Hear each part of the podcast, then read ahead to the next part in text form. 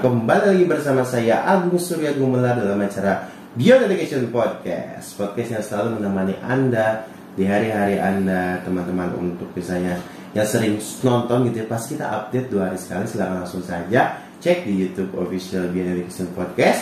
Dan di situ pun sudah ada link deskripsi kita cantumkan di setiap video. Kalau misalnya ada yang mau bertanya ada yang mau grup gabung grup WA kami Telegram kami karena kami selalu sharing-sharing di grup itu terkait episode-episode terbaru tentang parenting, coaching, motivasi, pendidikan, dan juga tentang pertanyaan atau Q&A dengan uh, pemirsa. Jadi silakan langsung saja. Yang mau bertanya tanyakan saja langsung melalui kolom komentar boleh, melalui WA boleh dan silakan langsung saja. Jadi tidak usah langsung aja. Dan juga kita juga selalu update di Spotify setiap harinya dan setiap apa setiap episode terbarunya langsung saja didengarkan atau kata kuncinya adalah Beyond Education Podcast juga di Spotify dan dengarkan saja suara merdu kita ya. Sudah saya agak bingung ini. Sama bahasa-bahasa lagi pagi ini dengan Pak Doni. Halo teman-teman, gimana Gung? Dunia orang tua sedang merajalela. Waduh, merajalela. Banyak orang tua yang apa yang sedih Pak. Banyak Kenapa tuh? Duh, ada masalah-masalah tentang anaknya sih. Oh, tentang anaknya, bukan tentang dia. Tapi yang namanya orang tua banyak banget tantangan apa ya. Iya.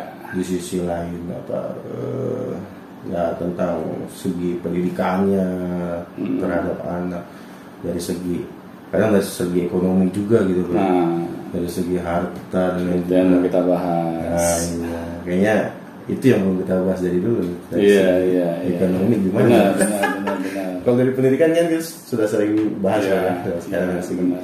ekonomi tantangan bagi orang tua itu seperti apa Pak? Ya, jadi gini Gung, orang tua kan memiliki niat ya membahagiakan keluarganya, Iya. terutama anak-anaknya. Mereka pagi siang malam mencari nafkah di luar, berjibaku, keluar keringat darah gitu ya. ngeri juga gitu. Ada hiperbola gitu. jadi saking ya saking kerja keras Iya, saking kerja kerasnya gitu kan, ingin ngebahagiain keluarga. Tapi kadang cara kita mencari nafkah itu yang patut dipertanyakan. Kita inginnya membahagiakan keluarga. Apa ingin memamerkan kekayaan keluarga kita? Oh, itu dua hal yang berbeda pak Pastinya berbeda. Mhm. Karena begini, Gung. Mhm. Kalau kita ingin membahagiakan keluarga kita, Mhm. apakah kita harus mencari nafkah dengan cara-cara yang tidak dihalalkan? Hmm, jadi segala cara bisa dipakai gitu Pakai segala cara. Iya, iya. Kalau perlu korupsi. Kalau perlu ngembat uang rakyat. Nah, akhirnya di sini kita tidak sadar gitu. Kita niatnya sudah benar, tapi caranya salah. Uang yang kita kumpulkan pada akhirnya itu menjadi bumerang bagi diri kita. Sekarang gini, Bung. Kalau misalnya kita mencari uang yang gampang, betul kira-kira cara kita spending bagaimana? Iya iya iya gimana ya kalau cari uang yang gampang itu cara spendingnya pasti agak susah gitu pak jadi Uh, rada mudah malah Iya. menurut saya. Ya. Karena gampang dapatnya. gampang dapat berarti agak agak susah jadi agak agak susah untuk tidak tidak tidak Berhati-hati. hati-hati gitu Benar, Iya. benar, benar. Langsung Karena- aja keluar Karena kita mendapatkan uang itu bukan dengan kerja keras. iya jadi kayak ah, dah gitu Benar. Nah itu akhirnya kita spending uang itu nggak mikir panjang. Setelah kita mendapatkan uang dalam jumlah yang besar lagi ya, dengan cara-cara yang misalnya nggak benar gitu, pasti kita tidak memiliki rasa sungkan. ada perasaan seperti itu ya? Pasti kita nggak merasa bersalah. Misalnya spending uang untuk beli barang-barang yang nggak penting gitu. Hmm. dengan niat ingin dibilang sukses. Tapi yang ada norak. Bener. OKB gitu. Iya, iya, iya. Orang kaya baru. Di sini akhirnya anggota keluarga kita yang lain melihat gitu. Hmm. Bagaimana cara kita gitu mencari uang. Hmm. Kok orang tua saya misalnya ya Betul. dia hanya memiliki jabatan yang inilah bisa dibilang nggak terlalu tinggi gitu. Tapi kok uangnya banyak. Nah, anak kan semakin besar dia akan berpikir gitu. Akhirnya anak melihat seperti itu kejadiannya dia pikir bahwa itu adalah hal yang normal gitu. Bawang-bawang itu. Ah, dia, dia pikir ya Ya. orang tua saja sudah melakukan ini ya di Hmm. depan dia gitu Betul. pamer kekayaan misalnya meskipun jabatannya itu ya Hmm. bukan jabatan yang istilahnya Hmm. bisa menghasilkan uang yang banyak Yang penting kayaknya itu ya. yang penting kayaknya itu akhirnya itu menular pada anak-anak kita Iya, ditiru juga ya, Pak ya. pastinya Bisa begitu ya? iya Iya. karena kan iya. kita tinggal satu rumah Iya. kita setiap hari sering berinteraksi Hmm. pasti anak kita kan akan melihat gitu bahwa orang tuanya ini banyak gaya akhirnya kenapa saya tidak banyak gaya juga Iya, gitu Iya. Nggak mau kalah lah. gitu. nggak mau ngalah akhirnya harta itu menjadi berhala gitu. anak dengan mudahnya gitu ya dia membeli barang juga yang bukan hal yang penting gitu Betul. bukan hal yang primer lagi Biasanya mengikuti trending, Benar. tren gitu. Nggak mau barang-barang murah gitu. Iya. Padahal kita sebagai orang tua nggak sadar gitu. Iya, iya. Dengan cara kita mempertontonkan gaya kehidupan yang seperti itu, Hmm. anak kita akan meniru. Setelah anak kita meniru, anak kita ini akan memiliki pola pikir Hmm. bahwa harta adalah segala-galanya. Harta yang membuat saya dihargai oleh orang lain. Harta yang membuat saya dihormati. Harta yang membuat saya bisa banyak gaya. Akhirnya anak-anak kita ini dengan mudahnya meremehkan orang lain. Nah sekarang kan kita lihat ya fenomena di luar gitu. Ada seorang anak gitu yang berani-beraninya menyakiti temannya. Bukan masalah hal yang prinsip gitu, tetapi masalah yang sepele. Karena perempuan, tetapi dia tega-teganya menyakiti temannya itu, itu di luar batas kemanusiaan gitu. Di sini saya lihat, oh si orang tuanya itu ternyata pejabat, Hmm. ya. Tapi dengan jabatannya yang nggak seberapa itu, Hmm. dia bisa memiliki banyak harta yang nggak jelas asal usulnya gitu. Bisa berarti bisa dikatakan harta itu haram, Pak. Pasti Iya, yang maksudnya- tidak didapat ini ya eh, sesuai dengan normanya gitu. Iya, karena ternyata harta-harta yang benar dan tidak atau misalnya harta halal dan haram itu berpengaruh juga ternyata ya terhadap Pasti, pasti. pola hidup, terhadap gaya hidup gitu Iya. ya. Bakalan aneh gitu. Karena apa yang kau Iya. tabur itu yang kau tuai. gitu. iya, benar. Jadi kalau kita mendapatkan harta yang tidak jelas asal usulnya, Hmm. kita sebagai orang tua itu tidak memiliki rasa empati lagi akhirnya Iya. Pada orang lain. Secara psikologi juga berpengaruh ya. Pasti berpengaruh pada anak. Gak sadar kita ya. Bener. Iya. Benar. Karena anak akan melihat orang tuanya seperti apa. Ah, Dia menganggap semuanya bisa dibeli dengan uang. Karena uang sudah menjadi Tuhan bagi mereka. Akhirnya kan ketika anak membuat masalah, Iya. yang kena dampaknya siapa? Iya, ya. Kembali lagi ke orang tua itu kan. Pasti. Iya. Ya kan kita lihat sendiri kan. Iya. Bagaimana orang tuanya itu akhirnya dipecat Iya. dari pekerjaannya. Iya, betul. Diperiksa harta-hartanya. Akhirnya siapa yang rugi paling besar? Iya, Dia dan keluarganya itu. Benar. Dia. Kita udah capek nyolong. ya. Iya.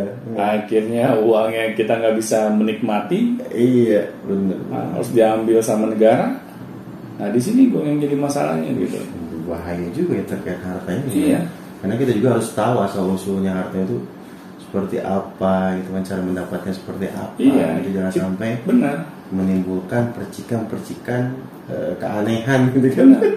Karena gini gue, Luar. kalau orang tua mendapatkan sesuatu itu dengan kerja keras, Iya. ya, dengan keringat, darah, akhirnya anak juga melihat bahwa dia tidak boleh menyia-nyiakan uang yang dia dapatkan dari orang tuanya. Jadi menghargai itu Dia kan. lebih menghargai.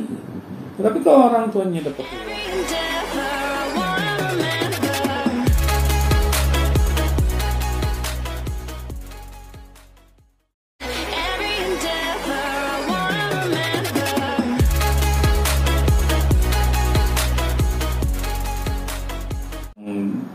Bagaimana nggak jelas apalagi dengan mudah gitu kan.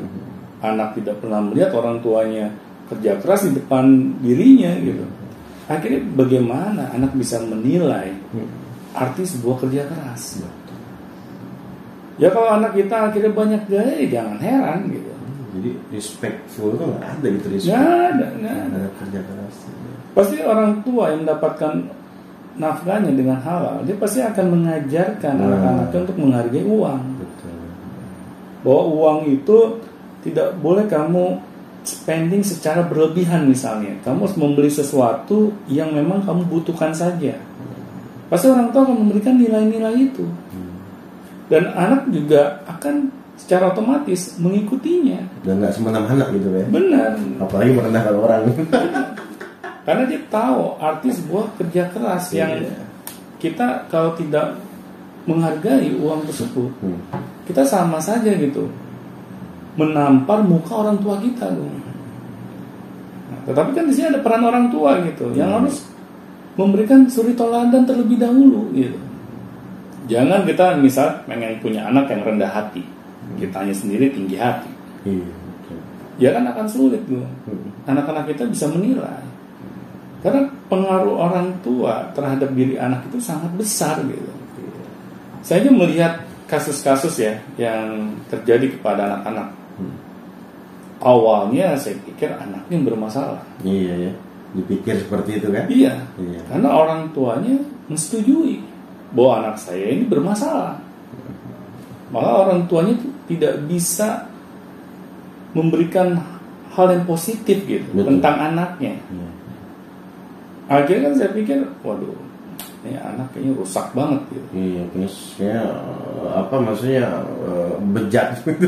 Bejat banget gitu. Berani-berani gitu melawan orang tua seperti itu. Iya, iya. iya. Kalau saya jadi dia dulu gitu ya sama orang tua saya bisa digamparin ya. Nah, di sini kan akhirnya saya merasa bahwa anak yang bermasalah gitu. Kemudian saya coba telusuri ya dari sisi si anak. Keluar tuh unek-uneknya mereka. Mereka bilang bahwa orang tuanya jarang di rumah. Hmm. Orang tuanya hanya menitipkan dia ke pembantu misalnya.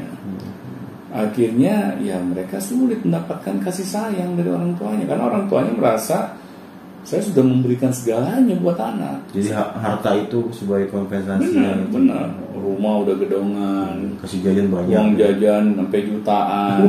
Benar. Iya. Ada loh dulu Iya, iya. mantan murid saya, Hmm. saya sampai keselak gitu pas dengar uang jajannya berapa.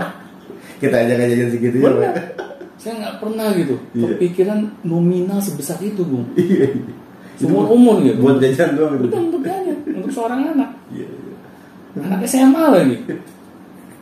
Mungkin kalau Agung saya sebutkan nominalnya kaget juga.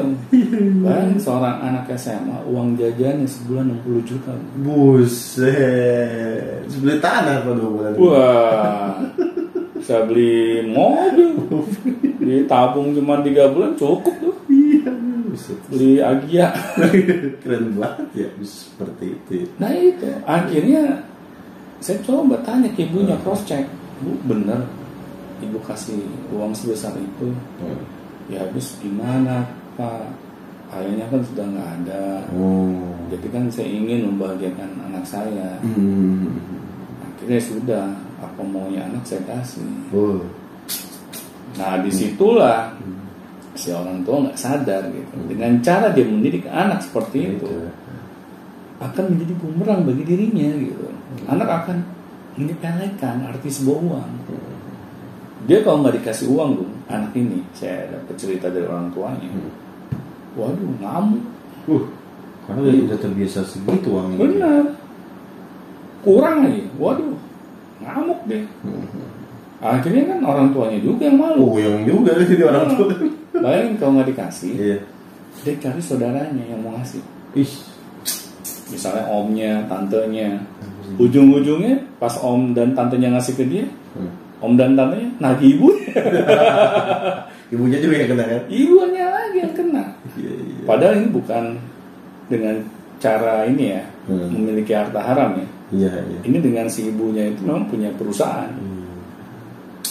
yang halal saja Hmm. kalau cara kita mendidik anak itu Hmm. dengan cara-cara misalnya memanjakan Hmm. untuk hal-hal yang nggak penting, Hmm. akhirnya ini bisa menjadi bumerang juga. Iya. Jadi kayak jangan jadikan harta itu sumber kebahagiaan Benar, bagi anak gitu ya, ya. Sebenarnya sumber kebahagiaan bagi anak ya Hmm. yang saya lihat ya Hmm. setelah saya berinteraksi dengan mereka, mereka tuh menginginkan kehadiran orang tuanya di samping mereka. Support. Bukan berarti 24 jam kayak satpam, Iya. Enggak. Malaikat. Siapa bilang dokumen? masih tidur gitu ya. Tetapi mereka pengen gitu, Iya. mereka bisa ngobrol dengan orang tuanya, bisa bercengkrama dengan orang tuanya, bukan hanya melalui WA misalnya Iya. gitu kan, atau video call. Hmm. Tetapi ada orang tua di hadapan mereka gitu. Mereka ingin didengar keluh kesahnya. Agar apa? Agar anak merasa kehadiran orang tua itu penting bagi diri mereka. Bukan uang masa anak baru lahir minta 60 juta kan mungkin. Itu gimana tuh orang tua? Iya. kan pasti si anak ini bisa meminta uang sebesar itu. Iya. Ada cara-cara kita yang salah pada Iya, anak. iya betul. Apalagi kalau kita mendapatkan ya harta yang kita miliki dengan cara-cara yang diharamkan. Lebih kacau lagi sih. Lebih kacau lagi. Kacau lagi sih. Udah yang haram kecil lagi kacau, apa yang haram gede gitu. Iya benar, benar. Akan berbalik gitu bagi orang tuanya gitu. Iya. Makanya wahai para orang tua, Hmm. ayo kita mulai memikirkan ulang cara kita mendidik anak-anak kita. Jangan jadikan uang itu sebagai sumber utama kebahagiaan kita. Karena apa? Kalau hal ini sampai terpatri gitu ya di dalam diri anak, maka apakah anda siap menanggung segala risikonya? Resikonya berat sih. Oke baik, terima kasih Pak Dodi. Emang resikonya berat banget sih Pak serius. Pasti, pasti. Oke baik, silakan kayak yang kalau mau bertanya, silakan saja tanyakan di komen atau misalnya di eh, Gmail yang sudah disediakan di link deskripsi di bawah atau mau langsung tanya lewat WA atau misalnya lewat official lewat mana pun silakan. Baik, sampai jumpa di video selanjutnya. Sampai jumpa teman-teman.